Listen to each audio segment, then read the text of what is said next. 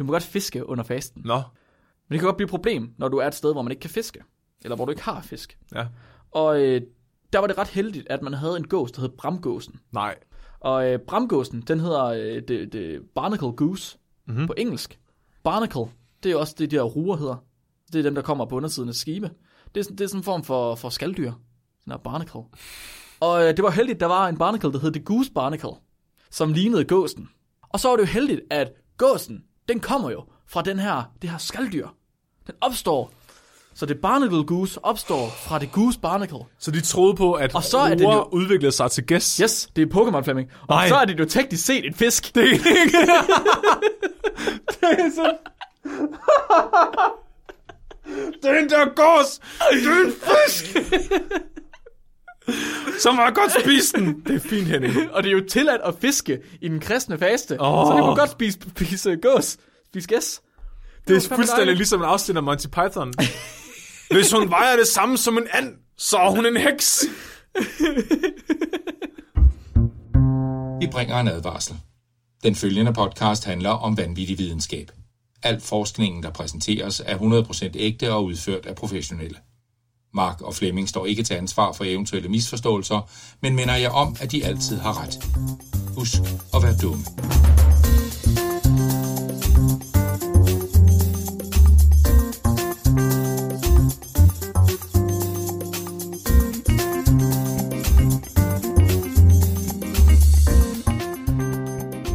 Hej og velkommen til Spækbrættet. Podcastverdenens udgave af og tyk tyggummi på toilettet. Det, ja, det er en lille smule ulækkert, men også en lille smule i orden. Det er lidt rart. Det er sådan lidt forbudt, men på sådan en dejlig måde. sådan at jeg burde ikke gøre det her. Det er også lidt ulækkert, men for fanden, så skidt da. Fan, så skal Jeg har lige puttet det ind i munden. Nu spytter det fandme ikke ud. jeg er jeres øh, vært i dag. Rumming. Rumming, Rumming. rumming. Og jeg er opskriften på en velfungerende alkoholiker. Mark Lyng. Du er i hvert fald alkoholiker. Ja, det, det er der ingen tvivl om. Spækbrættet, det er din podcast om øh, vanvittig videnskab, hvor vi forklarer videnskab, så alle kan forstå det.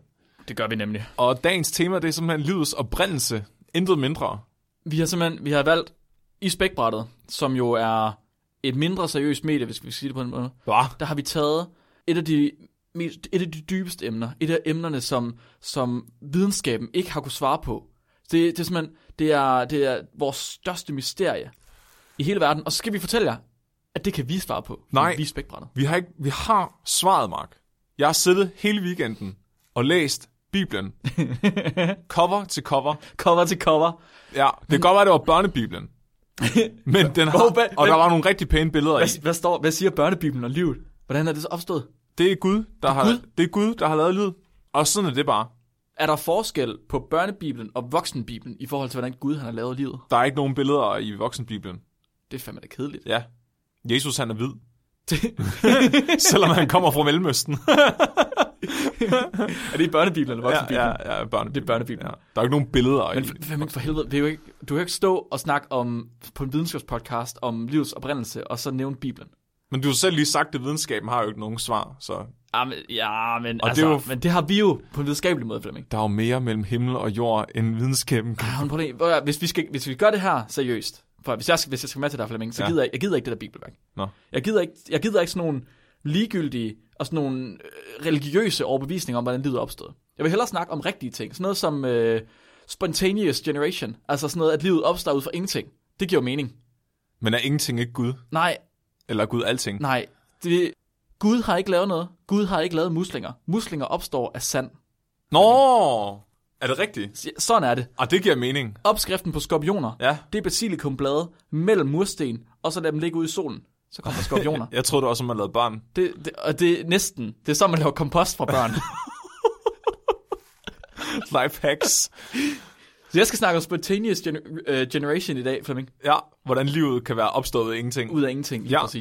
Jeg skal tale om uh, panspermia, Panspermia. som er ideen om, at uh, livet egentlig har sået sig selv på andre planeter gennem rummet. Begge, begge teorier, meget plausible og meget videnskabelige. Du kan godt se, at det er noget helt andet end det der bibelske fortælling. Ja, Ja. og jeg har faktisk fundet en videnskabelig artikel, som er gået igennem peer review. Altså, så den er blevet godkendt af andre forskere. Der er over 30 forskellige forfattere på den af forskere fra hele verden, som siger, at blæksprutter kommer fra rummet. Jeg vil med det. Det er fedt. det er fedt. Jeg kan også godt, jeg kan godt se det. Blæksprutter, de er fandme mærkelige. De er ret ulækre. De, de, de er jo ikke, det er jo ikke, der er jo ikke noget andet liv på jorden, der minder om blæksprutter. Det giver mening. Og så, prøv at det er også for, det er underligt, de er så kloge. Det er rigtigt. De kan jo forudse, hvem der vinder fodboldkampe. Da, de kan forudse, hvad Prøv at, er de, er de, er de, øh, de er synske. Er de synske? Ja, jamen, jamen, selvfølgelig. Måske er Gud en blæksprut. Ja, den eneste grund til, at blæksprutter ikke har overtaget verden nu, Flemming, det er fordi, de lever så mega kort. Hvilket heller ikke giver mening. Du kan ikke være så klog, og så leve så kort tid. Det, hvis de fik lov til at leve lidt mere, så, så, så kunne de rent faktisk nå at opbygge et samfund og, og, og lave et eller andet seriøst. Det, jeg tror, du har ret. Ja. Jeg tror, du har ret i det der. Det er sådan lidt ligesom Vestjylland. hvis, I, hvis I blev mere end 15 år, kunne det være, at I begyndte at bruge ild. Men så, så det er de to teorier, hvad med Flemming. Men jeg har faktisk også øh, læst lidt op på, øhm, på ursuppen. Teorien om ursuppen. Fordi der var masser af teorier om, hvordan livet opstod. Det her det er bare to af dem. ja. De to mest plausible, hvis vi kan sige det på den måde. ja. Så der er jo andre. Jeg, så øh, jeg har været inde og læse op på øh, et eksperiment, der hedder Miller-Urey-eksperimentet. Uh. Fordi Nikolaj sagde, jeg skulle. Men Miller-Urey-eksperimentet, er det egentlig ikke en idé om sådan... Altså en gængs idé. Det er jo ikke en alternativ idé. Det er vel en idé om, hvordan liv er opstået. Eller en del af det, puslespillet. Mm, jo, øh, rimelig stor del af puslespillet. Men det er det blevet i hvert fald igen efterhånden. Fordi der var faktisk en periode, hvor det ikke var. Nå, Det er så det var, og så var det ikke, og nu er det igen. Men det er, det er en mærkelig, det er en mærkelig debat, det der med, hvordan livet er opstået. Fordi der er sindssygt mange teorier. De siger alle sammen lidt det samme. Sådan lidt, at organiske ting kommer fra uorganiske ting, og organiske ting bliver til liv. Men, og så prøver folk at lægge det sammen og sige, hvad startede det? ja. Men det er i virkeligheden det samme, de siger sådan lidt alle sammen. Men jeg tror, den her teori om ursuppen, at det er, som du også siger, det mest gængse der er lige nu. Det er, sådan, det er den folk, de hælder mest til. Så de fleste har nok hørt historien, da de var børn eller i folkeskolen, om at da jorden startede, og den lige var ved at køles af, der var der en form for suppe på overfladen af jorden, altså øh, væske, som var en blanding af vand, vandmolekyler og metanmolekyler og ammoniakmolekyler og alle sådan nogle ting. De helt simple byggesten. De simpleste molekyler, vi har. Og så har der været en form for storm uden om jorden, som ligesom bare har slået lynnedslag ned i, jord, i den her ursuppe hele tiden. Og en gang imellem, så har det tilføjet så meget energi, at der kunne ske en reaktion mellem de her ellers ureaktive molekyler, Ja. og så har man fået mere avancerede molekyler. Uh. Så man er gået fra de simple til de mere komplekse ting ved de her lynnedslag. Det er ret sejt. Og i 1952, Flemming, der blev der lavet et eksperiment af, af Miller, hedder han Stanley Miller, hvor han, det er et ret, det er et ret simpelt eksperiment, han har stillet op. må jeg gætte, hvad han lavede? Ja, Han sad og spiste suppe ude i sin have, det, ja, og så slog lynet ned i suppen. det er tæt på, det er næsten sådan en, uh, en Newton-historie. Og så, og så kiggede suppen op på ham. Er du min far? er du min far? It's alive! Hvad er jeg?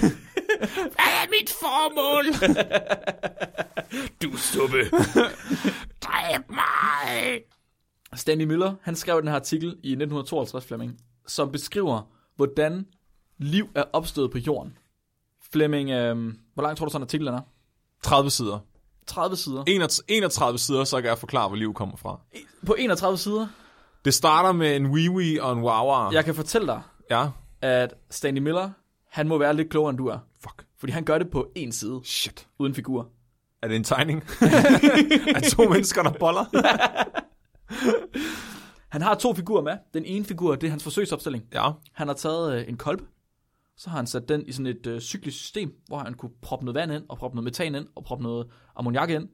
Og så øh, har han sat en bunsenbrænder på, Selvfølgelig. og så har han kogt det. Det lyder meget kemiagtigt. Ja, og så har han ladet det køre rundt i cirkel i syv dage. Og så har han tappet det bagefter. Og så har han set, hvad der var i de her, den her væske. Og han siger til at starte med, når han stopper det ind, så er det, så, altså, så er det en, en klar væske. Der er ikke nogen farve på. Men ret hurtigt, så bliver den lyserød. Og han tænker, at det er på grund af de produkter, der ligesom kommer. Det er da fordi, at det ændrer sig, hvad for nogle kemikalier, der er præcis, Ja, lige ja. præcis. Og over de her... Og jeg glemte selvfølgelig at sige, at en vigtig ting, det er, at han koger det ikke bare. Så han koger det, fordi at for at, holde, for, at holde det, for at kunne få det til at dreje rundt i den her øh, cykliske opstilling. Men han putter også strøm til det. Virkelig, virkelig meget strøm. Selvfølgelig. Så meget strøm, som man kan. Han putter sådan nogle nipple clamps på den Præcis. der kolbe der. Lige præcis. Han putter, han, han, og så giver han bare noget stød, og så, så hiver han den i den snipples. Og så, så, og så ser han, om, om, om den bliver Om det bliver våd af det. Han går rundt med et par uldstrømper på og knupper dem hen ad gulvet, og så... Så den sender strøm til den her væske, der kører Ja. igennem, og det gør han i syv dage. Til at starte med bliver den lyserød, men over tid, så bliver den meget dyb rød. Uh. Og så tager han, øh, så tager han væsken ud, og så laver han det, der hedder en kromat- kromatografi på den. Ja. ja. Som er, hvor du har en, en fast flade på et eller andet underlag, og så lader du noget væske køre hen over den her faste flade, mm-hmm. hvor du også har dine kemikalier på. Og alt efter, hvor godt den væske her, den trækker i dine kemikalier, så vil de så trækkes øh, ned langs den her faste flade. Så først, så lader han øh, noget butanol og øh, eddikesyre køre ned over den. Så kan han separere de her øh, molekyler i en retning. Og så bagefter, så lader han noget fenol køre hen over det i den modsatte retning. Ja. Så altså henad i stedet for nedad. Og så kan han faktisk separere molekylerne, der er i den her væske. Og mere specifikt, så kan han separere aminosyre ud fra den her væske her. Det er ret sejt. Og aminosyre, det er byggestenene til vores proteiner. Og proteiner, det er liv i mennesket. Det er funktionerne i vores krop. Det er det, der laver al biokemi i vores krop. Ja. Det er proteiner. Og han viser simpelthen, at fra de her meget simple molekyler, som er ingenting, der kan han lave aminosyre ved bare at øh, putte nogle nipple clamps på dem. Okay, så han, han, han, han har egentlig bare taget det, han forestillede sig, bare ursuppen, Mhm. af noget fuldstændig død kemi, Mhm. kogt det i nogle dage og givet det stød, og så har, han, så har han faktisk fået byggestenene i liv. Eller i hvert fald en, en del af puslespillet. Jeps, lige præcis. Så han har vist, at man kan lave komplekse molekyler ud fra simple molekyler ved at give det strøm, ligesom man tænkte, det ville ske i ursuppen. Det er sejt. Det er sejt. Det er virkelig, virkelig sejt. Og i lang tid, fra 1952, der blev det her også set som værende rigtigt, og Miller han lavede flere eksperimenter sammen med en gut, der hed Yuri. De lavede dem her sammen, og de viste, at ikke bare kunne man lave aminosyre, man kan også lave andre organiske molekyler. Nå, Men på et tidspunkt, så, øhm, så er der nogen, der går imod ham og siger, at han må have en anden form for kontaminering, og at hans atmosfære, der var inde i hans system, den har ikke lignet jordens atmosfære tilstrækkeligt. nå. Der har været mere svovl i den her atmosfære, åbenbart. Og hvad man har puttet for meget svovl ja, Noget i den stil. Nå. Og så prøver han faktisk igen i øh, 80'erne, og der kan han ikke lave aminosyre. Fuck. Men i 2008 og 2010, Ja. ja. henholdsvis, der er der lavet to forskellige eksperimenter, hvor de har lavet en mere moderne atmosfære, altså den mere moderne tankegang om ursuppen, så hvad man ved, der var i ursuppen nu om dagen, frem for hvad man vidste, der var i 1952. Okay. Og så har man sat det ind i nogle mere komplekse systemer, så ikke bare den her kolbe her, man koger op på, men nogle lidt mere komplekse opstillinger. Sådan noget, der minder endnu mere om de omstændigheder, der har været dengang. Præcis, og så har man kunne give dem endnu højere strøm. Og så har man faktisk, hvor øh, Miller, han fandt glycin og alanin og aspartat, han fandt seks aminosyre i alt, så har man sidenhen fundet, øh, fået lavet alle aminosyrene, der indgår i menneskets proteiner Hold kæft, mand. ved de her eksperimenter her. Det er jo sygt. Og det er jo ikke bare aminosyre, man har fået lavet, men man har fået lavet mange flere molekyler, som indgår i menneskets biokemi. Man har lavet altså RNA-molekyler, nukleotider, Ja. man har lavet DNA-molekyler, man har lavet, det er jo, det er jo vanvittigt, hvad man, man har kunne lave. Man kan også se, altså, altså ligesom huden på en celle, eller overfladen på en celle, og ja. Lavet en hel masse fedtsyre, der ligesom samler sig i sådan en boble. Mhm. Og, man, og man kan se, at, hvis, altså, at hvis, når du har fedtsyre i vand, så laver de altså de her bobler, der hedder miceller, helt af sig selv. Ja. Så du har egentlig allerede en komplet cellevæg. Mm. Og, så det giver mening, hvis at du har byggestenene til liv og RNA, der er, befinder sig inde i de her små bobler, Ja, ja, så har du præcis. allerede en primitiv celle. Altså, Ja, så altså, det giver mening alt det her, men det, men det, det giver lidt for meget mening. Gør det ikke det, Flemming? jo, Lidt for meget mening. lidt for meget mening. Er sådan lidt, det, det er sgu for simpelt. Jeg tror, det er fake news. Du snakker også øh, om RNA på et tidspunkt. Ja. Ja. RNA, der kunne replikere sig selv, faktisk. Ja, Altså, det tænker jeg også er en ret vigtig del af det her puslespil. Egentlig så kan man se, at, at der findes aminosyre, Mhm.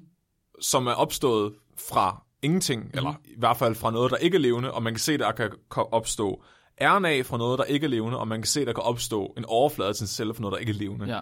Så du har egentlig byggestenene til liv, du har opskriften på liv, og du har indkapslingen til liv. Ja, og ikke nok med, at du har opskriften, fordi RNA er ikke bare en opskrift. Nej. Fordi RNA, øh, som jo er altså afskriften af DNA, kan også være katalyserende. Det vil sige, at den kan lave en reaktion både på sig selv og også på andre ting. Ja, Så når du har noget, der kan lave en reaktion på sig selv og på andre ting, så betyder det i virkeligheden, at det kan replikere sig selv. så du har, du har faktisk en opskrift, der kan kopiere sig selv, mm-hmm. og den kan også lave det, der står i andre dele af opskriften. Præcis. Det er du- det, folk de, folk de mener, når de siger RNA, world. Altså, ja. det er det, de tænker på. Det er, at verden er opstået, eller livet er opstået ved at starte med RNA, som har kunne lave simple reaktioner. Og de her simple reaktioner er så blevet til nye ting. Ja, Og de her nye ting har så kunne lave endnu mere komplekse reaktioner. Og så har man faktisk til sidst fået lavet RNA om til DNA. For at du så bare har bare opskriften, som er mere, mere samlet og nemmere at komme til, end du har med RNA. Fordi RNA det er ret ustabilt også. Ja. Så i stedet, jeg ved ikke, man kunne godt tænke, øh, komme til at tænke, at det vil være DNA, der startede det, fordi lige nu er det DNA, der starter alting. Ja. Men den gængse teori er i stedet for, at det er RNA, der har startet det. Ja, og det, Ja. det giver, for mig giver det egentlig meget god mening. Ja. Det er også sjovt, altså så, så, på et eller andet tidspunkt, så er det RNA bare blevet så komplekst. Ja. Eller de ting, den laver ud af aminosyrene, eller hvad den gør, Mhm. mm-hmm. eller laver ud af sig selv, det, det er jo på et tidspunkt blevet så komplekst, at, at vi har fået øh, ribosomer Ja. og, og alle mulige andre proteiner, som kan arbejde med DNA. Lige præcis. Og til, så- altså, så til sidst, så har man fået lavet en celle, som så kan replikere sig selv, og kan blive til nye celler, og kan blive til multicellede øh, cellulære organismer. Ja. Hvis man skulle tro på det her, den her teori. Så Men det lyder overhovedet ikke plausibelt. nej vel, det giver Nej. slet det giver ikke mening. Nej, altså, det det ikke. det er sgu for nemt. Det er fandme for nemt. Det er alt for nemt. Right? Hvis du, du, du kan sgu da ikke bare stå... Hvis jeg bare kunne gå ud, og så knuppe øh, en ballon hen ad mit hår, og så stikke i en suppe, og så kommer der liv. Det giver ikke mening. Flemming. Det gør der også, men ikke på grund af ballonen, mest fordi Ik- du har så mange bakterier på fingrene. Flemming, hvorfor? Det, det, der må være noget andet. altså, jeg, jo, Det- altså liv, liv kommer jo selvfølgelig fra rummet. Ja, det er jo ja, klart. Ja. Og så kan man spørge, okay, hvor kommer liv fra rummet så fra? Men det kommer også fra rummet.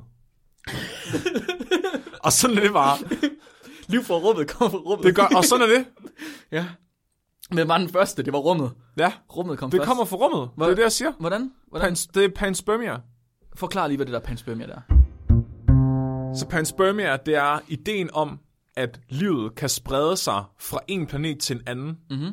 eller fra et solsystem til et andet solsystem, ved at blive båret på asteroider og kometer og andre altså himmellegemer, som ligesom rejser gennem rummet. Og Det giver jo mening, fordi jeg, tænker, jeg sidder og tænker, altså, hvis vi på jorden har alle byggestenene til at kunne lave organiske molekyler, eller ja. komplekse molekyler, og de molekyler, de kan reagere med sig selv og blive til mere komplekse ting, og vi kan se, at livet på jorden, det alt sammen kan spores tilbage til en fælles stamfar, altså, så giver det jo mening, at det ikke er opstået på jorden. Det er jo selvfølgelig opstået i rummet. Ja, ja, selvfølgelig. Right? Det er jo selvfølgelig sådan, er det. Ja, det giver jo ikke mening, at man kan, at man kan segmentere det på alle levende organismer i dag, og så se, at de passer perfekt sammen. Nej, nej, nej, nej, nej. Det, og, og, altså, de, de er jo alle sammen, det er jo fordi, Flemming, at de alle sammen er kommet fra rummet af.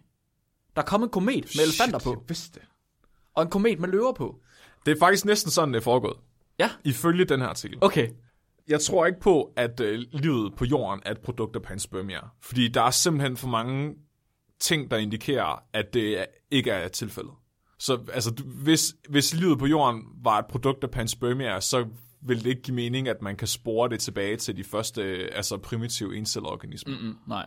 Fordi livet, der vil være spredt gennem panspermia, vil højst sandsynligt være mere komplekst end det. Mhm. Og hvis panspermia er en ting i vores, hvad kan man sige, ende af solsystemet, altså vores nabolag, så vil det højst sandsynligt være sket med en gang. Ja. Hvis det kunne ske en gang, at livet vil kunne plante sig på jorden, og så sprede sig, som det har gjort, hvis man tror på det, så vil det jo være sket flere gange. Selvfølgelig. Og, og, så, og så vil du lige pludselig ikke have et fylogenetisk træ, der går op. Så vil du have flere grene, ikke? Fordi så vil du have en, der passer til den første gang, livet har sået sig selv, og en, der passer til anden gang, mm-hmm. livet har sået sig selv. Ja. Men det er ikke tilfældet. Vi kan se, at alting kommer fra den samme organisme. Ja, det man kalder Luca. Last Universal Common Ancestor. Precisely. Fuck, man, det er ligesom eksamen, det her. Men ideen om, at livet kan sprede sig gennem rummet, er altså ikke særlig dum. Så vi kan se for eksempel på overfladen af den internationale rumstation, at der lever bakterier og svampe og andre mikroorganismer faktisk i bedste velgående. Mm-hmm.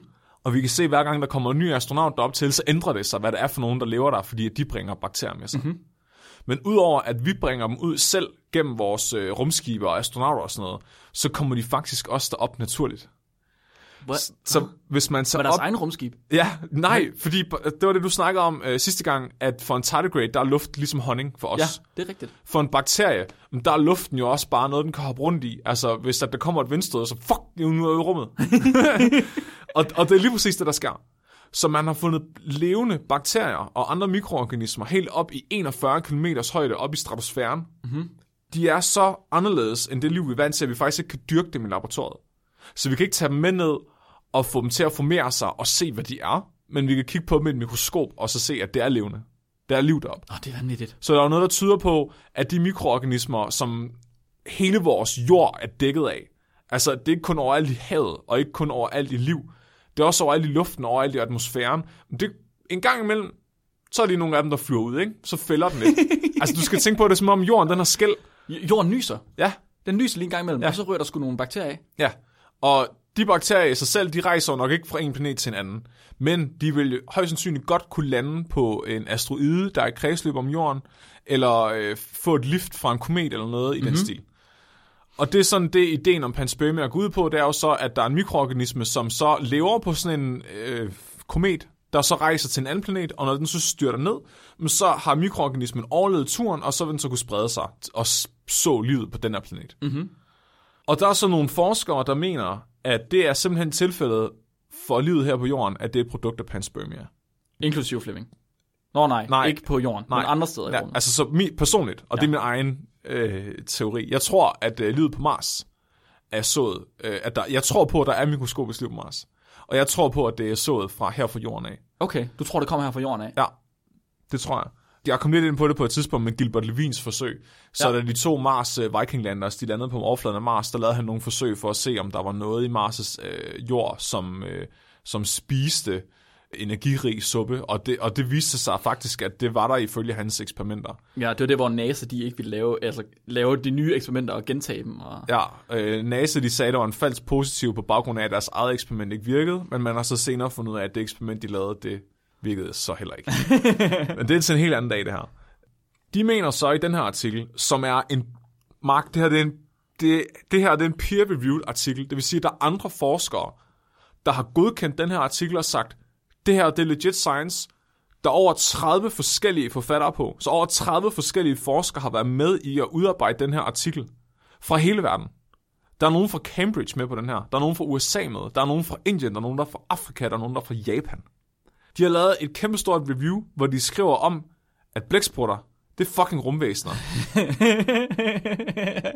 30 mennesker. Ja, 30, 30 mennesker, Det og, er- og, og det er blevet godkendt af andre forskere. Ja. Der er nogle forskere, der har kigget på det her arbejde fra 30 mennesker, Ja. som har sagt, rum, øh, øh, blæksprutter er for rummet, og så Ja. har de sagt, ja, Det er så bizart det her. Altså, det, fordi nu har jeg lige været med, øh, og det har du også været med, igennem processen af at få udgivet en videnskabelig artikel gennem peer review. Altså, andre forskere skal godkende den, før den det kan blive er udgivet. ubehageligt svært. Det er ube- ubehageligt. Så, men den her, den altså irriterende. gået igennem. Og den er, det er altså ikke bare et hvilket som helst journal, der har udgivet den. Det er Progress in Biophysics and Molecular Biology, der har udgivet den her i år 2018. Ah, er den Ja. helt ny? Ja, What? Har du tjekket deres impact factor, Flemming? Den er ret høj. Jeg har været inde og kigge. Har du været inde og kigge? Ja, jeg kan ikke huske, hvad den er, men de er, de er sådan rimelig, øh, et rimelig velanset journal. Prøv men det sjove er, hvis, hvis øhm, Progress in Biophysics and Molecular Biology. Har. Det sjove er, hvis du googler dem, så er det første, der kommer op, det er den her artikel. Så alle er inde og kigge på, hvad fanden går det her ud på. Hvad fuck er de gang i? ja. What? Der har været rigtig meget kontrovers omkring den her artikel. Mest på grund af, at den er så kontroversiel i sig selv. ja. Og der er rigtig, rigtig mange, der har været ude og kritisere den. Og der er nogle rigtig gode argumenter for og imod den her artikel. Jeg synes, at jeg vil starte med at tage min skeptiske hat af, og så bare præsentere det, de præsenterer for læseren. Flemming, du er aldrig den skeptiske her af. Nej, det er rigtigt. Hvorfor? Hva? Jo, Kan du, du du forstår bare ikke, hvor skeptisk jeg er. Det er på et helt andet niveau end dig. Nej, det er også det, jeg siger. Du Det er er jo meget fordi, skeptisk. jeg, jeg, jeg er skeptisk over for de rigtige ting. Jeg er skeptisk ikke- over for ikke- videnskaben, over for mainstream science, Du og kan bare tage den af, Flemming. Det, alt- det bliver kaos. for Candida nu. Ja. Så en af deres øh, hovedargumenter for det her, det er, at ligesom jeg sagde tidligere, så hvis at livet skulle være blevet sået på jorden, så, altså hvis det skete en gang, hvorfor er det så ikke sket flere gange? Mm-hmm. Og det, det de siger, det er der beviser på, at det er sket flere gange. Så de siger, at øh, det første liv, det blev sået på jorden for 4,6 milliarder år siden, Ja. Og senere, så er der så blevet sået noget mere liv, som har gjort, at der er kommet en hurtig udvikling. Hvis man er biolog, så ved man det her, men jeg er ikke biolog, så jeg bliver nødt til at kigge på Wikipedia for at fortælle jer det her. Men der er noget, der hedder den kambriske eksplosion. Ja. Og den kambriske eksplosion, det er et tidspunkt for omkring, jeg kan simpelthen godt huske hovedet på du har den. Du har den. Du kan godt. Bare kæmp. 500 millioner år siden. Yes. For cirka 500 millioner år siden, der skete der noget i verdenshavene. Fordi indtil da, der havde alt liv været encellede organismer, bakterier og primitive eukaryoter, som er vores forfædre, som bare har ligget og ostet rundt. Ostet rundt. Lige pludselig, bum, så begyndte der at komme dyr. Dyr.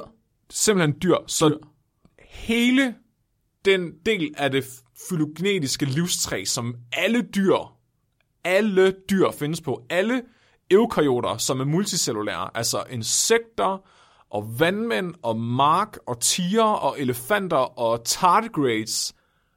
Alting kom lige på en gang der. Det, Altså selvfølgelig var der ikke en elefant, der svømmede rundt i havet. Men, men, men, men alle de dyr, som har givet op, altså alt det, der har givet ophav til os, det kom i den her eksplosion. bum. Og det, og det er... Også mig, siger du? Ja, du lå også svømme rundt dengang for 500 millioner år siden. Og jeg var en lille nøgen baby, helt blå i huden. Så hvorfor er det, at der lige pludselig, fra kun at være sådan nogle små kedelige bakterier, var blæksprutter og trilobitter og primitive fisk og andre dyr? Hvor, hvorfor? Hvorfor skete det? Selvfølgelig panspermia, og det er det, de skriver. Så de skriver, at de mener, at der er kommet en komet til jorden, og på den her komet, der har der været det, der hedder retroviruser og æg fra blæksprutter. Stop! Hvad? Ja. Skal vi starte med retroviruserne? Fordi det er det, der er mindst langt ude. Så til folk, der ikke helt har styr på, hvad en virus er. Så en virus, det er, en, det er den mest simple form for i gåsøjne liv, der måske findes. Mm-hmm. Så det er egentlig ikke rigtig levende i sig selv. De kan ikke selv spise ting og overleve, og de kan ikke rigtig selv kopiere sig. Og det er derfor, det er ligesom en computervirus. Den hopper ind i vores krop, og så overtager den vores cellers mekanismer, Ja. og så tvinger, så hjernevasker den cellen til at kopiere virusen selv, og så spreder den sig på den måde. Retroviruser, de er ret seje, fordi de nøjes ikke bare med at snyde vores celler eller andre celler til at kopiere sig. Den sætter sig faktisk ind på vores DNA. Den sæt, retroviruser, de sætter sig ind på vores genom, og så bliver de faktisk en del af os. Og det kan føre til, at vi ændrer os på alle mulige måder fundamentalt. Og de mener så, at de her retroviruser, de er så anderledes end det øh, liv, der fandtes på jorden før den kambriske eksplosion. Plus, at det vil forklare, hvorfor der har været så hurtig evolution. Fordi der lige pludselig er blevet introduceret en ting, som kan ændre vores gener rigtig hurtigt. Så retroviruser er aliens. Ja. Og blæksprutter er aliens. Nej, nu står, nu, nu står jeg igen, Flemming. Nu kan jeg ikke være med. Øhm, så en ting, der er rigtig fucked up, det er, at blæ- altså, udover at alt multicellulært liv nærmest var opstået på ingen tid i den kambriske eksplosion, mm-hmm. så blæksprutter, de udviklede sig latterligt hurtigt. Så øh, trilobitter regerede egentlig i jorden øh, i rigtig, rigtig mange millioner år. Som, det er sådan nogle små undervandsbænkebidere, som er uddøde i dag. Der er den der øh, crab-ting med blåt blod, der stadig lever, som ligner den lidt. Ja. Jeg kan ikke huske, hvad de hedder. Horseshoe crab. Er Horseshoe crabs, jo. Men trilobitter, de har basically regeret jorden i millioner år. Og sammen med alt andet liv, der fandtes dengang, så var det sådan noget, der kravlede rundt nede på bunden af havet. Men lige pludselig så besluttede blæksprutter sig for, at det gad de kraftede ikke mere. Så de begyndte at svømme. Det er fandme, jeg kan godt lide det. Og i det, de begyndte at svømme, så havde de bare verdensherredømmet. Fordi trilobitter, de havde ikke engang øjne. trilobitter, de var så fucking selvsikre på, at de havde verdensherredømmet, at de ikke engang gad kunne se opad. Det, det, faldt, det faldt dem ikke ind, at der kunne komme noget oppefra. Og lige pludselig så begynder blæksprutter bare at svømme, og så æder de jo bare alt. Og, og, og, det, og blæksprutter, de begyndte at kunne... Altså, de har jo nogle sindssygt komplekse egenskaber, som man ikke ser i særlig mange andre dyr. Som for eksempel, at de kan skifte form og farve og kamuflere sig. Og Ja. de har rigtig høj intelligens. Ja. Blæksprutter i dag, de kan faktisk genkende forskel på mennesker. Så de vil foretrække nogle mennesker frem for andre, alt efter hvordan de er blevet behandlet af dem. Selvfølgelig har de ikke været lige så avancerede dengang. Men mange af de her ting har altså fået, haft sit ophav tilbage i den kambriske eksplosion. Hvordan er det sket? Og deres forklaring er så selvfølgelig, at det er æg fra den her øh, komet. Det er jo, det er, og det giver mening, ikke? Det giver mening. Ja. Befrugtet æg må det næsten være. Det er, oh, ja, okay. Flemming, hat, hatten er af. Hatten er af. Ja, Kom så. okay, jeg tager lige hatten lidt af. Ja, den er af. Kom Så en ting, vi ved i dag, det er, at hvis du segmenterer DNA'et på en blæksprut, Ja. altså hvis du kigger på de gener, en blæksprut består af, så kan du se, at de perfekt passer ind i det, det slægtstræde med alt andet liv. Altså vi har, alt liv har ligesom nogle ting til fælles. Mhm. Mm-hmm. Som for eksempel de der ribosomer, som laver proteiner ud af det RNA. Ja. Det har alt liv stort set Ja. der kan du se, at alt liv har ribosomer, og så kan du sammenligne ribosomerne med hinanden, og så kan du se, okay, hvornår er de her ribosomer blevet forskellige fra hinanden. Og der passer blæksprutter altså perfekt ind, så de kommer ikke fra rummet. Og det er, det er slet ikke til diskussion, det gør de ikke. Der er ikke rigtig nogen forklaring på, hvorfor den her kambriske eksplosion den kom så hurtigt, som den gjorde, men der er rigtig mange forskellige teorier. En ting, man har opdaget for ret nyligt, det er, at den kambriske eksplosion var faktisk måske ikke så meget en eksplosion, som man troede, den var. Så man har opdaget fossiler fra multicellulære dyr, som faktisk er ældre end den kampuske eksplosion. Så Okay. det vil sige, at alt multicellulært liv opstod ikke bare lige pludselig på én gang. Det har været der i forvejen. Man har fundet sådan nogle små dyr, som har været på for, altså formet som sådan en, øh, en cylinder eller en disk, og de har haft tentakler. Og de er altså ældre, de her fossiler, end den kampuske eksplosion. Hmm. Så måske er det i virkeligheden bare vores forståelse af, hvordan livet er, er, har udviklet sig i den periode, som egentlig er forkert. Hvorfor har de ikke taget det med i den artikel, der er i det review? Ja, og det, og det er det, vi kommer til nu, fordi okay. nu begynder den her artikel at falde fra hinanden. Nå, Så en ting, man rigtig hurtigt lægger mærke til, når man læser den, eller noget af det første, man ser, det er, at de har tre quotes i starten. Og jeg har ikke læst særlig mange artikler, hvor de starter med en quote. Det er, noget, man, altså, det er noget, man har i en bog. Ikke? Ja. Så er det sådan noget, øh, Adam Savage sagde det her, eller øh, Hitler sagde det her, og så starter bogen. Men de har tre citeringer i starten, og den ene af dem, den er altså, nummer to, den hedder, og læser højt nu.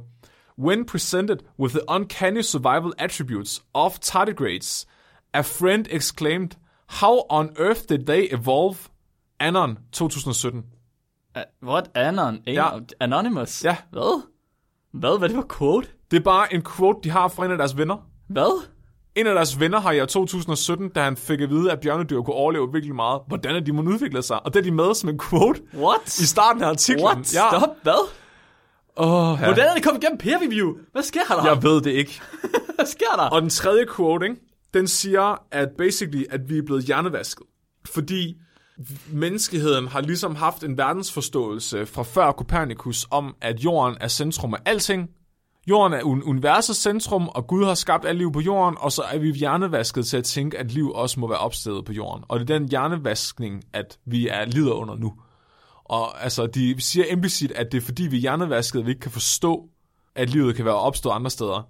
At vi er simpelthen så snæversynet, at, at de er her for at fortælle os, at tingene er anderledes. Flemming, jeg har altså ikke hjernevask. Har du hjernevask? Altså, jeg tror, min hjerne vil have godt af at blive vasket en gang. Men ikke på den. med nogle af de ting, der ligger og rundt deroppe. så de, de, ridser, de ridser nogle argumenter for panspermia op, så de har nogle ret stærke argumenter for panspermia. Og en af dem, det er selvfølgelig den her med Gilbert Levine og hans liv på Mars. Ja. Men den synes jeg ikke er noget godt argument for panspermia i den forstand, de bruger det.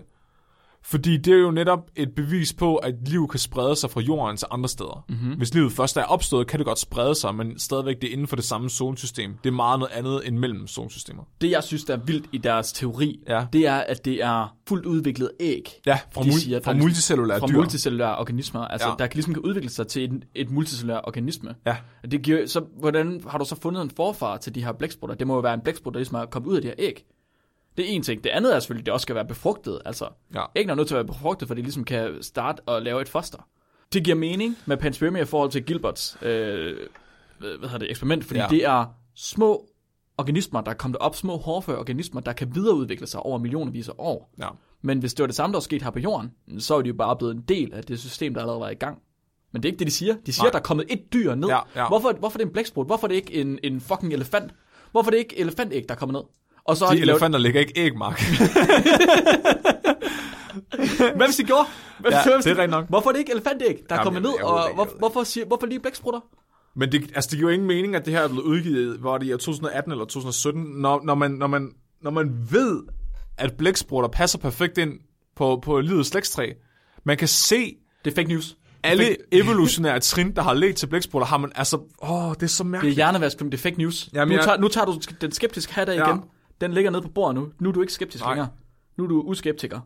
Fordi det er selvfølgelig hjernevask, og det er øh, Rusland, der vil have dig til at tro, at det er sådan, det er. Men altså, en af de ting, de også bruger som argument for ideen om panspermia, og det er det, det, er det der er så bizart, fordi rigtig mange af deres argumenter er for, hvorfor panspermia kan lade sig gøre, og det er der egentlig ikke nogen, der er uenige med dem i, tror jeg. Altså, der er jo enighed om, at panspermia godt kan lade sig gøre. Mm-hmm. Stort set. Fordi du kan se, at der er liv i rummet fra jorden. Ja. Så selvfølgelig burde det godt kunne sprede sig. Men det er ligesom den der langt ud idé om, at liv kan være landet på jorden, som de skal forsvare, og det prøver de så. Og en af de det bedste argument, de har, det er, at i år 2012, der fandt man på Sri Lanka en komet, der var faldet ned. Og i den her komet, der fandt man fossiler fra mikroskopisk liv. Og man er enige om, at den her komet ikke kommer fra jorden. Det skriver de. Ja. Hvad tror du, der sker, hvis man googler det? Så tror jeg, at det er, jeg tror, det er en peer-reviewed artikel, der er kommet ud fra nogle geologer og nogle øh, paleontologer, som selvfølgelig har studeret det her og tjekket og se, om de kunne finde DNA. Og... Det er det overhovedet ikke. Nej. Så du, prøv lige at tænk prøv lige at overveje igen, at det her det er en artikel, der er gået igennem peer review. Der er 30 forskere, der har sat deres fucking navn på den. og nu refererer de til noget, der ikke er rigtig videnskab. Ej, det er vildt. Fordi den her, den her øh, komet fra Sri Lanka, den er for det første aldrig nogensinde blevet, altså resultaterne for undersøgelsen er, den er aldrig blevet peer-reviewet.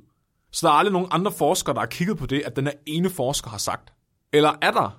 Det er der faktisk, men de er alle sammen uenige med hans resultater. Så for det første, så er det ikke engang en rigtig komet. Nå, Der er rigtig mange, der har kigget på den, og så har de sagt, prøv at høre, den her kommer fra jorden. Det er ikke en rigtig meteoride. Den er, ikke engang, den er ikke engang kommet ind i registret for meteorider, fordi de er alle sammen enige om, at det ikke er en meteoride. hvad? Så øh, er der også nogen, der kigger på de her fossiler, som øh, han har fundet inde i meteoriden fra Sri Lanka. Og øh, det viser sig, at det er ikke fossiler. De er levende. Nå, Og øh, det liv, der er i det, det ligner fuldstændig liv fra en ferskvandskontaminering. Fordi de pointerer, alle forskerne pointerer, at det giver ingen mening, hvis du har liv for rummet, hvorfor det så fuldstændig ligner det liv, der findes på jorden i forvejen. hvor- hvordan har han ikke kunne se, at det er levende? Jeg ved ikke, altså så, så, så den her artikel med blæksprutterne skriver, der findes en komet, der er faldet ned på Sri Lanka med fossiler, som er, ikke er fra jorden, og den her komet er ikke fra jorden, men al forskning viser, at det er løgn, og det er et hoax. Og den er altså fra 2012, den her. De har haft seks år til at rette det. Er den, er den falsk, den der artikel? Den, Den er ikke engang ægte. Den har aldrig været ægte. nej, jeg mener, jeg mener øh, Blæksprut-artiklen. Nej, det er den Er ikke. det, det er ikke en fake artikel? Nej, det er det ikke. Jeg forstår ikke det her. Jeg, jeg, jeg er meget jeg er forvirret. Det er meget, meget bizart. Så øh, kommer de til deres diskussionsafsnit, hvor de ligesom snakker om, at de foreslår, at vi skal lave et paradigmeskifte i måden, vi tænker på liv. Mm-hmm. Så vi skal begynde at tænke meget, vi skal slet ikke tænke så præ-Copernicus-agtigt. Vi bliver nødt til at tænke på, at alt, hvad der sker på jorden, er produkter af panspermia. For eksempel masseudryddelser og pandemier. Hvad? Så de mener, at når der kommer sådan nogle voldsomme sygdomsudbrud af sygdommen, som dræber milliarder af Nej. organismer, Nej. så kommer de for rummet. Nej, nu stop Jo. kraftet med med. Det, det, nej. Jo, de gør. Stop så. Nej, men det er fordi, at der, coronavirus, det var bare en kineser, der fik en rumsten i hovedet. Nej, Henning, lad være med at slikke på månen. Nej, Henrik, du bliver syg. Du kan ikke tåle det. Den er helt grøn og lyser, den der sten. Hvad? Hvad er de sindssyge? Hver eneste, hver eneste store øh, pandemi, det mener de simpelthen, det er kommet fra rummet. Nej, de, de siger bare, at vi skal tænke lidt bredere, Mark. Vi skal ikke være så narrow-minded. Det er fordi, at liv, liv, det er slet ikke, en elefant er slet ikke bare liv. Det er også en sten af liv, Flemming. Det kan være en sten. En sten. En, sten, en sten. Jeg har, jeg har en kælesten, den hedder Kurt. Det er en kælesten. Flutura. Den er, liv, den er levende. Flutura. ja. Det er fordi, vi tænker helt forkert om liv. Vi er alt for narrow-minded. det bor her, Flemming. Det er levende. Universet er levende. Universet Det er har en levende bevidsthed.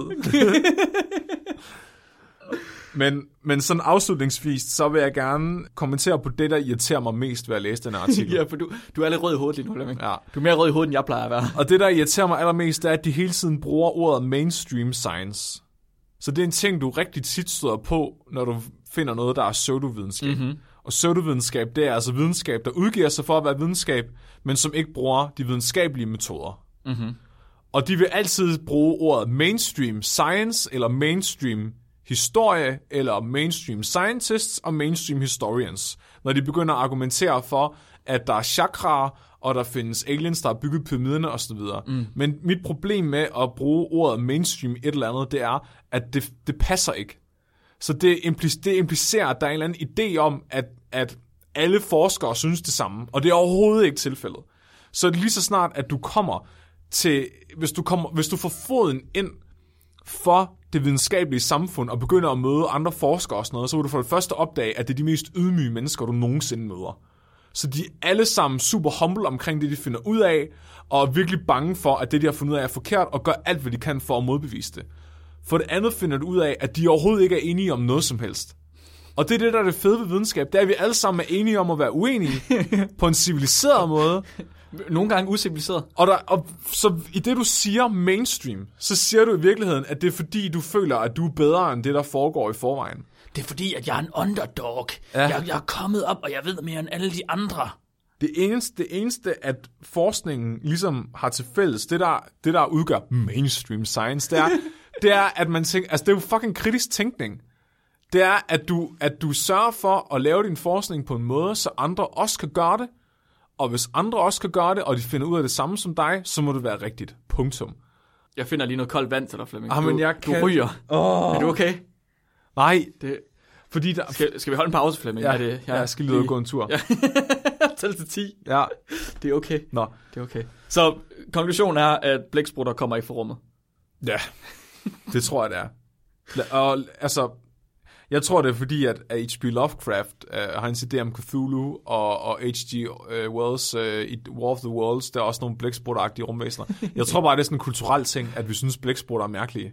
De er også mærkelige Ja, men de er, sgu da fucking mega mærkelige. mærkelige. Ja, men det gør dem jo ikke, altså, til rumvæsener. de er, de bliver ikke mindre utrolige af at være øh, fra jorden. Det gør, altså, tværtimod.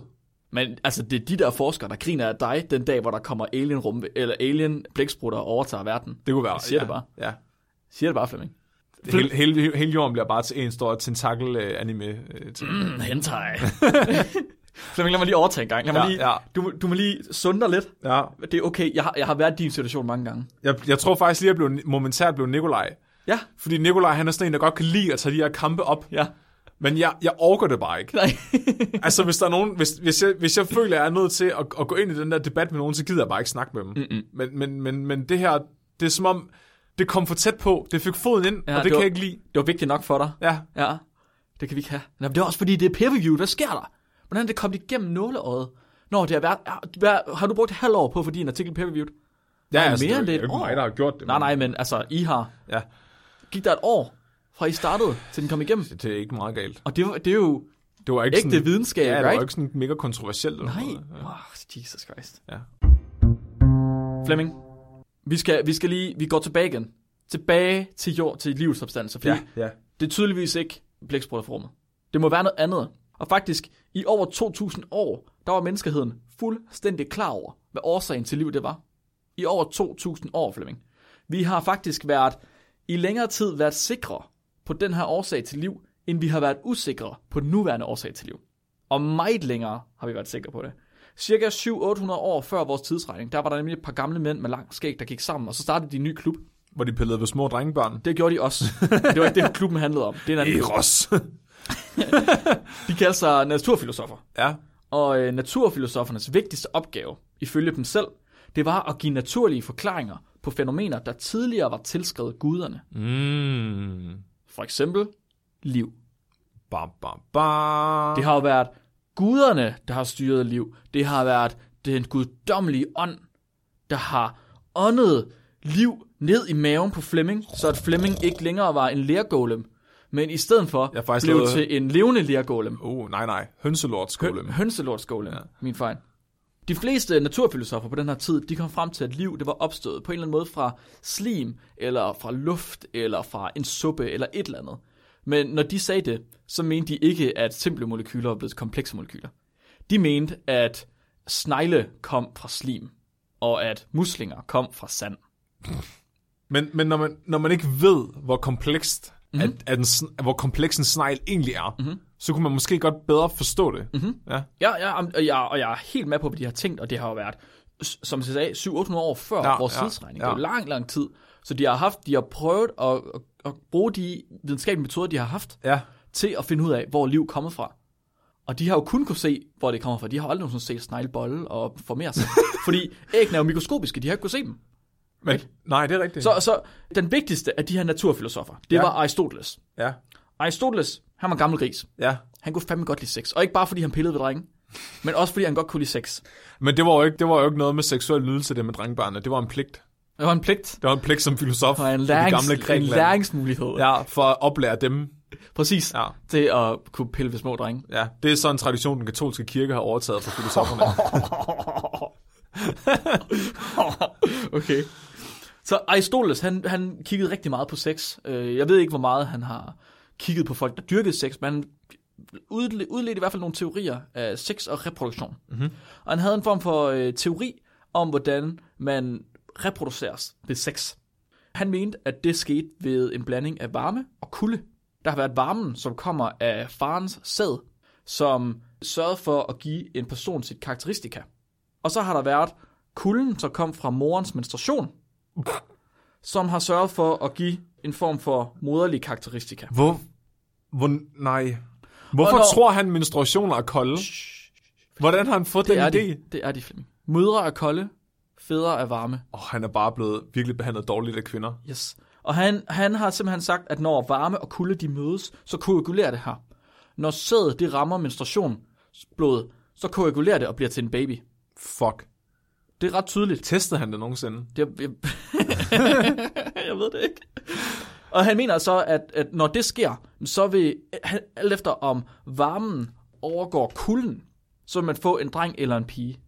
Hvis det er varmen, der vinder, så får man en dreng. Hvis det er kulden, der vinder, så får man en pige. Altså, det ville jo være ret nemt at teste. Det kan man sige. Men det han så også mener, det er, at i nogle tilfælde, så har man dyr, der ikke boller. Fordi han har kigget på dyr, der er ikke bollet. Den der ko, den har ikke boldet hele dagen. Og der kommer stadig nye dyr, Flemming. Hvor fanden kom den der ko fra? Men han har set på køerne. De har bollet, og der kommer nye køer. Ja. Der kommer en kald ud af røven på en ko. Ja, okay, okay. Han har kigget på gris. Der kommer en gris, øh, grisling ud af røven på en so. Man, det var så meget sjovt at være filosof for 2000 år siden. Han bare kigge på dyr, der er sex. Men nogle dyr, dem kunne han fandme ikke, der kunne han fandme ikke finde ud af, hvor de kom fra. Så han mus og rotter. Nej, hvor hvad? fanden kommer de fra? Så han aldrig mus og rotter knalde. Slanger, hvor fanden kommer de fra? Ål, hvor fanden kommer de fra, Flemming? Hvor helvede kommer det fra? Geder, hvor kommer de fra? Det er også kommet fra varme og fra kulde, Nå, men fandme ikke inde i mors mave. Det er ikke en koagula- det er ikke øh, menstruationsblodet, der bliver størkner og bliver til en baby. I stedet for, så er der nogle af de her dyr, der er spontant opstået fra, øhm, fra en animate, altså øh, dødeligt stof. okay. Sten, for eksempel. Selvfølgelig. Det er der, Han kvinder mener, kommer at- fra. Han mener, at øh, snegle og øh, bivalves, altså muslinger, Ja. de er øh, kommet fra mudder. Men det er lidt forskelligt, hvad for noget mudder, alt efter hvad for en form for musling, du har. Selvfølgelig. Så for eksempel blåmuslinger og kammuslinger, Ja. de stammer fra sand. Østers, de kommer fra slim. Og øh, rankefødder, de barnacles, dem der kommer fra undersiden af dem, der står på skibe. Ja, hvad fanden er det nu, de hedder? Jeg kan ikke huske, hvad de hedder på dansk. De, de er rankefødder. Ruer kom derfra. Ja, ja. Jeg har googlet det. Bruger, ja. Ja, og albueskæld er der også nogen, der hedder. Uh. De, øh, de kommer fra hulningerne i sten. Der opstår de. Det er fandme videnskabeligt, det der. Og det troede man på i årtusinder, Flemming. I årtusinder har man troet på det her. Det er for eksempel beskrevet af en romersk arkitekt, cirka 100 år før vores tidsregning, at den her arkitekt, der han rådede til, at biblioteker de blev bygget med en østvendt indgang. Det var for, at de kunne nyde godt af morgensolen. Men også, at et bibliotek bestemt ikke måtte vende hverken mod syd eller vest, fordi så kom der vind ind, og den her vind, den gjorde, at der ville komme bogorm. Den Fordi generere de spontant bogorm. opstår. De spontant opstår af den her vind. Hold kæft. Bogorm, de opstår af luft, Flemming. Du skal aldrig læse udenfor. Det, Så er den bog færdig. så er den bog færdig, så kommer der bogorm, Flemming. Prøv lige at tænke på, hvor meget de var, var gået amok dengang, hvis man glemte at lukke døren eller lukke vinduet. Altså, du, du har håb på, at bygningen den har været østvendt. Hvad sker der så, hvis man prutter en vind? Hvad er det så? Kommer der Hvad, så? hvad, hvilke dyr kommer af prutter, Flemming? Det er et godt Så spørgsmål. tager vi lige øh, Svenskere. svenskere. Svenskere. Allihopa! Efterhånden, som vi bevæger os op igennem middelalderen, så begyndte man at anvende de græske filosofers viden mindre og mindre. Men øh, ideen om spontan opstand, den blev hængende. Den blev folk ved med at tro på. Der er øh, faktisk et eksempel på, at i løbet af middelalderen, der blev teorien brugt som et smuthul til at komme udenom fast. Fordi i fasten, der må du jo ikke, som en kristen fase, den hedder Lent på engelsk, mm-hmm. der må man ikke øh, spise, eller man må ikke fange dyr i hvert fald, så vidt jeg ved. Bortset fra fisk. Du må godt fiske under fasten. Nå, Men det kan godt blive et problem, når du er et sted, hvor man ikke kan fiske. Eller hvor du ikke har fisk. ja. Og øh, der var det ret heldigt, at man havde en gås, der hed bramgåsen. Nej. Og øh, bramgåsen, den hedder øh, det, det barnacle goose mm-hmm. på engelsk. Barnacle, det er også det, de her ruer hedder. Det er dem, der kommer på undersiden af skibe. Det er, sådan, det er sådan en form for, for skalddyr. Sådan her barnacle. Og øh, det var heldigt, der var en barnacle, der hed det goose barnacle, som lignede gåsen. Og så var det jo heldigt, at gåsen, den kommer jo fra den her, det her skalddyr. Den opstår. Så det barnacle goose opstår fra det goose barnacle. Så de troede på, at Og så er det jo- udviklede sig til gæst. Yes, det er Pokémon Flemming. Og Nej. så er det jo teknisk set en fisk. Det er ikke... det er så... Den der gås, det er en fisk! Så må jeg godt spise den. Det er fint, Henning. Og det er jo tilladt at fiske i den kristne faste. Åh. Så det kunne godt spise, spise gås. Spise gæs. Det var er fuldstændig dejligt. ligesom en afsnit af Monty Python. Hvis hun vejer det samme som en and, så er hun en heks. Men det er også rigtigt, Flemming. Det er jo rigtigt. Og øhm, i dag, Flemming, i dag Ja, der tror ja. vi ikke længere på spontan opstand. Det skyldes en række elegante forsøg, fordi på et eller andet tidspunkt, så er der nogle forskere, der stiller sig sammen, og så siger de, prøv lige at høre, det skal da ikke passe. Var der en, der gokkede på noget menstruationsblod og sagde, hvad fanden? Okay, det er faktisk, det, der er faktisk en historie. Der var en gut, han hed, øhm, åh, bop, bop, bop, bop, William Harvey. Han dissekerede en hjort på et tidspunkt. Og så så han, at inden for den første måned, så Aristoteles han mente jo, at når du kom ud over noget menstruationsblod, så koagulerede det, og så havde du et foster. Hmm.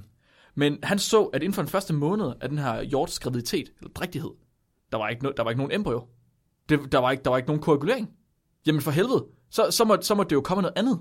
Så han bestemte sig for, at alt liv, det kommer af æg. Og det lavede han faktisk et udtryk for, det hed Omnia ex ovo, Men som det er jo- betyder everything from eggs. altså, det var jo ikke meget forkert. Alt fra æg. Det er jo ikke særlig meget forkert. Altså, det var et af beviserne på, at spontan generation, det er spontan opstand, at det ikke, det ikke fandtes. Den her hjort, den har ikke klumper inde i sig. Alting er lavet af æg. Og sådan er det. Der var andre forskere på samme tid. Mhm. Mm-hmm. Der var øh, Jean-Baptiste von Helmont, som brugte eksperiment, eksperimentelle teknikker til at teste, hvorvidt planter de optog jord for at blive større. Så han havde nogle, øh, nogle planter, han havde groet i, i fem år, hvor han simpelthen viste, at de øgede i deres masse, mens at jorden, den mi- mindskedes i massen.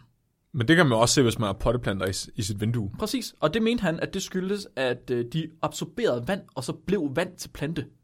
Hvilket jo er rigtigt nok. Problemet var Ja. bare, at han ikke helt forstod fotosyntese. Ja. Fordi det vidste man ikke fandtes dengang. Så han har tænkt, at hvis du kaster vand på en plante, så bliver vand til plante. Hvis du blander vand og salt, Så får du så bliver det til sten. en brænde. Plantebregne. det var også øh, ham, der nedskrev opskriften på mus og på skorpioner. Og øh, opskriften på mus, den kommer senere. Det er dagens dyrefakt. Den skal I glæde jer til. Åh, oh, gud. Så var der andre forskere senere hen, der begyndte at gå imod det her. De var sådan, det, det kan ikke passe, hvor fanden kommer de her ting fra? Det der, det er sgu, det er sgu egentlig lidt dumt, I faktisk. lang, I lang tid havde man tænkt, at, hvad hedder det, maggots, øhm, Midder. midder, er det midder? Ja. Ja, at de, at de kom ud af rådden kød. Ja. De opstod ud af rådden kød, spontant. Det var der en forsker, som mente, at han hed Francesco Redi. Han mente, det kan, fandme, det kan ikke passe. Så han har taget en rådden kød, har han puttet ned i et glas. Så har han taget noget andet rådden kød, som puttet ned i et andet glas. Så han puttet låg på det andet glas. Mm-hmm. Så så han, det var kun i det glas, der var åbent, at der kom, at der kom midder og fluer fra. Ah, haha. Som Så det kommer fra luften. låget. Låget, det er låget. Ja. Det er låget. Det er mang- eller manglen på låget. Nej, oversiden af låget. Overside af låget. Der var øhm, en gut, der hed Pier Antonio Micheli, som viste, at når han tog svampespor og placerede dem på en øh, melon, så var det den samme type svampe, der kom frem på melonen bagefter. Og når det er samme type, der kommer som det, du smører på i forvejen, så betyder det, at svampe de ikke opstår spontant. Fordi hvorfor kom der så ikke bare en anden svamp frem? Right? De, vidste, de vidste jo ikke, at svampe de deler sig og bliver til flere svampe. Nej, nej. Og der var flere af de her eksperimenter, hvor man også så, at, at gær, at det ligesom deler sig til flere celler, og på et tidspunkt så begyndte mikroskopet jo at komme frem. Ja. Og så begyndte man jo at kunne se, ah, der er jo små mikroskopiske ting, vi ikke har kunne se før. Det må være der, livet kommer fra. Men det var faktisk ikke før, at Louis Pasteur i 1859, han lavede sit, sit meget kendte eksperiment, hvor han tog og kogte noget, noget suppe, noget oksesuppe, i sådan en svanehalsflaske. Mm-hmm. Det er sådan en flaske, der, der bukker sig lidt, så der ikke kan komme luft ind. Han ligner en svane. Det ligner en svane, er lige præcis. Han tog og kogte noget i, i en flaske, hvor han havde halsen på, og så i en anden flaske, der knækkede han halsen af. Og så viste han, at det var kun i flasken, hvor halsen var af, at suppen den blev kontamineret af mikroorganismer. Mm. Så suppen bliver altså ikke, det, mikroorganismer opstår ikke spontant. Tak, Pastor. De kommer kun fra andre mikroorganismer. Det viser sig så faktisk, at Pasteurs eksperiment, det var ret svært at, at, at genvise, men ikke fordi, at det var altså, forkert, fordi at han ikke vidste, at sporer eksisterede. Bakteriesporer. Bakteriesporer, de kan nemlig holde til at blive kogt Ja. rigtig lang tid. Så når andre de skulle replikere forsøget, så fik de faktisk ikke det samme eksperiment eller det samme resultat. Stakkels Pastor, mand. Ja, det var lidt Han var ellers en homie. det var, han var en homie, men Han, han sagde jo, øh, han, i, i, i forlængelse af det eksperiment, så, så sagde han, liv kommer af liv. Det er sådan en af hans quotes. ja, lige præcis. Så, Og det, og det er jo rigtigt, liv kommer af liv. Og senere så fik man så lavet autoklaven, som kunne udrydde spor, bakteriespor også, og så kunne man virkelig endeligt få det sat fast. en autoklave, det er bare sådan en trykkoger, der koger ting sådan Ja, lige præcis. virkelig, virkelig hårdt. Lige præcis. Så jeg, jeg må jo desværre slutte af med at sige, at øh, heller ikke spontan generation, eller spontan opstand, er årsagen til liv. Satans. Hvor kommer jeg så fra? Flem, vi har fucket op. Vi gjorde det forkert. Vi, skulle, vi havde løsning. Vi havde svaret. Vi har, vi har gjort det forkert. Vi har, nu har vi igen ikke svaret. Jo, jo. Har vi det? Ja. Hvad er svaret? Det er jo spontant genereret ud af en komet, der er lavet på jorden. Det, der er, det, det er kombinationen. Ja. Det er når man tænker ud af boksen. Du har en komet, der rammer noget salt, Ja, og så bliver det til bly. Og bly, det ligner Østers. ja, Og Østers ligner Donald Trump. ja, Og Donald Trump, han er næsten levende. ja, Men han ligner en appelsin. ja. Og øh, en appelsin, der er levende. Ja, er den? Appelsiner er levende. Ja. Appelsiner er levende. De ligner ham der Bernie fra øh, Muppet Show. Ja. Han er levende. Han er levende. Han ja. er Bernie fra The Muppet Show er levende. Og han er, han er også en fisk, så må vi godt spise under fasten. Så jeg har dagens lytterspørgsmål. Ja. Er vi klar til den? Det er, du ved, i forlængelse af, at vi snakker om, hvordan livet er opstået, så har øh, Frederik Bartoldi, han har skrevet ind til os og spurgt, er den kvindelige orgasme en myte? Og hvis ikke den er, hvor finder han så henne? Er den også bare hans mor i går. Oh, lo, lo, lo, lo, lo, lo. Dum. jeg kan ikke lade armhuleprutter, men jeg vil gerne. Den kvindelige orgasme er en myte, ikke? Jo, jo, jeg, ved, jeg, har aldrig, jeg har aldrig set eller hørt den. Det er, en spontan, det er spontan opst, altså, det er noget, der kommer ud af spontan opstand, ikke? Det er sådan, den kommer bare ud af ingenting. Hvor skulle den komme fra? Jeg tror slet ikke, øh, at øh, kvinder kan få nogen nydelse gennem øh, kønsligt samkvem. Det er, det er kun praktisk. Det er, rent, det er praktisk. Ja. Det er for, at sæden kan koagulere med menstruationsblodet Ja, og blive til en baby. ja. Det er det eneste, det skal til for. Ja. Hvorfor er det i virkeligheden ikke, at man bare, du ved, tager menstruationsblod, og så hælder sæd på det? Det forstår jeg ikke helt. Så kunne vi... Det kan du ikke sige, fordi det, vi tager patent på ideen. Åh, oh, ja, det er vores. TM, TM, TM. Det er Ja, vores ja. trademark. Det må jeg ikke tage. Så vi kunne lave en hel her af soldater. Er det så, hvis du tager menstruationsblod fra en ko og blander det med sæd fra en mand, bliver det så en minotaur? Uh, ja, det tror jeg. Men tror du, det er derfor, at man i lang tid ikke har brugt menstruationskopper? Og så har sagt til, så har, jeg tror, det er regeringen har været inde at sige, at man skal bruge tamponer og bind. Oh, ja. Fordi så, så kan du ikke tage blodet og bruge til noget. Men nu hvor kvinder er begyndt at bruge menstruationskopper igen, så kan vi bare indsamle det, Flemming. Shit. Og så kan vi lave børn i stribevis. Tror du i virkeligheden, at tamponer er imprægneret med sædceller fra kinesere, og det er derfor, der er så mange kinesere, fordi når vi smider tamponerne ud, så gror der en kineser ud af den. Og så hopper han ud af skraldespanden. Ja, og så tager han til Kina. Hvorfor tager han tilbage til Kina? Det forstår jeg Det er ikke. jo derfor, der er så mange. Men De har, men de har ret dårlige forhold i Kina, Flemming. Hvorfor skal han tilbage, tage tilbage dertil? De ved, at de har jo en større, det er jo en del af en større plan. Det er rigtigt. Jeg, Det er for, at de kan lave flere tamponer. de skal bruge dem til at lave flere Jeg tager tamponer. ved på, at hvis du kigger på en tamponpakke, så står der Made in China på den. Made with China. Coincidence, I think Makes not. more China. Åh, oh, gud. Frederik, den kvindelige orgasme findes ikke. Men tamponer, de er et produkt af den kinesiske regering for at lave flere kinesere. Ja. Det er sådan der. Mange tak for i dag. Det har været rart at være sammen med jer i dag. Tyk, tyk, gå ind på toilettet. Nej, jeg elsker, jeg elsker når, du skal, når du skal afslutte. Jeg er god til at improvisere. Ja, du, du er simpelthen så god. Hvis I har nogle spørgsmål, så kan I skrive til os på vores mail, spækbrættet-gmail.com. Ja. Ellers kan I skrive til os på vores øh, Facebook-gruppe. Der mm. svarer vi nok hurtigst. Mm-hmm. Vi, har nogle, vi har nogle ret vigtige ting, vi skal have sagt. Fordi vi har, øh, for det første, Nikolaj er jo blevet en fast del af spækbrættet nu. Det er rigtigt. Han er det tredje medlem. Så Nikolaj han kommer til at være mere med som fast gæst, ligesom Mhm. mm-hmm. i, i, altså, plejer at kende ham. Nu er han ikke gæst længere, nu er han bare medvært. Men det bliver, det bliver sådan, du ved, hver fjerde gang eller sådan noget. Så, fordi han er, han, Nikolaj er for velforberedt. Og det kan vi ikke, det kan Nej. ikke klare. Nej. Vi kan ikke, vi kan ikke leve i skyggen af Nikolaj. Det stiller os i et dårligt lys. Det gør det nemlig. Ja. Så vi er nødt til at være her. Hvis vi er her fire gange, hver gang Nikolaj er han én gang, så passer det. Så, så er den god nok. Ja. Er det ikke det? Jo, Det er vi er den der grimme veninde, man har med i byen for at se bedre ud selv, men så bliver hun jaloux, når du får alle fyrene, og sådan. Og, præcis, og hvis den grimme, grimme veninde er, hvis vi er afsted alene, så Er vi, får vi medlidenhed. hvis vi begge to er grimme, er ingen af os grimme. Oh, det er filosofisk. Det tror jeg er rigtigt. Men når Nikolaj er her, så er vi grimme. Men Nikolaj, han er jo så backstage også mest. Ja. Altså, han laver research for os og redigerer vores afsnit, og er bare generelt... Øh, Han laver alt det fornuftige. Det er ham, der er god. han er faktisk fundamentet, hvorpå det her hviler. Og i, og i den forbindelse, så hvis I kunne tænke jer, og hvis I kan lide spækbrættet, og I synes, at øh, vi, vi fortjener en lille skilling for at lave det her. Fordi vi bruger faktisk penge på at lave spækbrættet. På øl. på øl. Og på, på jeg bruger på øl, Flemming bruger på høns, ja. Nikolaj bruger på at betale regninger for os. det er ret pænt af ham. Ja. Men altså, sådan er det jo. Men hvis I nu tænker, at det er fandme synd for Nikolaj, at han skal bruge alle sine lommepenge på det, så øh, er der nu mulighed for, at man kan gå ind på det, der hedder tier, og så kan man øh, donere til spækbrættet for hvert afsnit. Det fungerer sådan, at man går ind og donerer for hvert eneste afsnit, der bliver udgivet, og så trækker de pengene en gang om måneden. Man kan donere altså, så lidt man vil, eller så meget man vil. Det må man ikke selv skrive ned. Men altså en femmer per afsnit, Uh. Altså, jeg siger bare, øh, hvis vi får en femmer per afsnit lige pludselig, så lover jeg, at jeg giver Nikolaj øh, frisk halm på hans øh, seng nede i buret i kælderen, hvor jeg har ham. jeg synes... En gang om måneden. En, en, femmer, en femmer for frisk halm. Ja. Det er jeg sgu da godt givet En tiger for frisk vand. Det vil i hvert fald, det vil i hvert fald betyde rigtig meget for os, hvis, øh, hvis det er noget, I vil, og noget, I har mulighed for. Hvis I ikke har mulighed for det, så forstår vi det selvfølgelig også godt. Så går det bare ud af Nikolaj. Så, så dør det- baby. Alright. Næste uges afsnit, den 25. februar, det kommer til at handle om Dunning-Kruger-effekten. Bum. Altså, det, den effekt, der siger, at des mindre du ved, des mere tror du, du ved. Mm. Det er der en pissegod historie bag. Tusind tak, fordi, uh, tusind tak til Frederik for at, sende, uh, for at sende spørgsmål ind. Og tak fordi I lytter med. Det, det er mega fedt. Vi, vi, vi er så glade. Ja. Vi, vi laver kun det her for jer.